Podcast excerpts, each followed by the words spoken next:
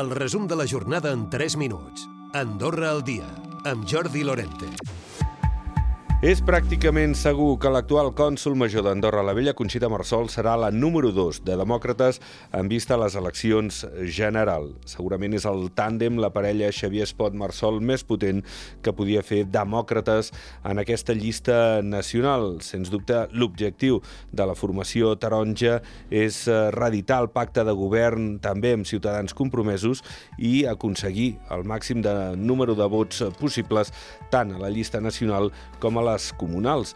S'hi ha referit eh, Carles Ensenyat, el president del grup parlamentari demòcrata. Jo crec que amb Ciutadans ja està, ja està tancada. Aquí sí que clarament podem dir que hi ha un acord i que és un acord eh, acordat i pactat i que per tant doncs, anirem junts a les eleccions. El que està clar és que el grup que ha sigut majoria en el Consell i que durant doncs, quatre anys ha governat, doncs aquest com a mínim s'hauria d'intentar que anés junt. No? Una vegada tancat el pacte amb ciutadans compromesos, reconeixen ara els taronja que la scissió dels liberals pot dificultar tancar acords parroquials. També els sectors més a la dreta política estan intentant reeditar un pacte electoral semblant al que han assolit en l'altre bàndol ideològic PS i progressistes SDP. El govern i EDF amplien el conveni de col·laboració en matèria de transició energètica.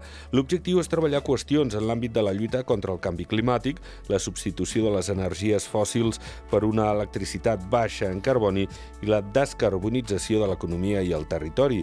S'hi referia la ministra de Medi Ambient, Sílvia Calbó. Amb aquest conveni també ens permetrà altres vies de col·laboració i concretament doncs, eh, podrem explorar altres sistemes de, de cobertura com els, com els que ens han tingut fins ara doncs, cara a assegurar l'estabilitat de preus, que ens ha permès doncs, garantir preus eh, en el moment d'aquesta crisi energètica estables i que per tant ens farà més resilients de cara al futur.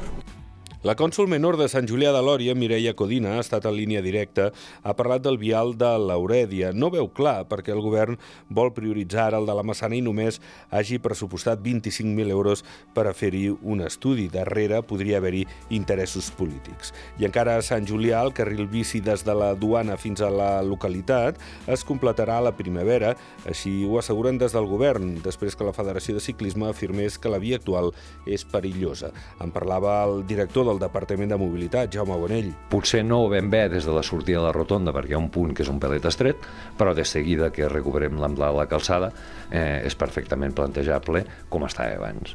L'escriptor i periodista Andreu Claret ha guanyat el Premi Ramon Llull amb la novel·la París érem nosaltres. Els protagonistes de l'obra són els pares de l'autor, una parella d'exiliats catalans que decideixen marxar junts a París durant la Segona Guerra Mundial. Ha dit Claret que aquest relat li ha permès refer ponts familiars. El Premi Ramon Llull està dotat amb 60.000 euros i el llibre està previst que surti publicat l'1 de març. Recupera el resum de la jornada cada dia a Difusió.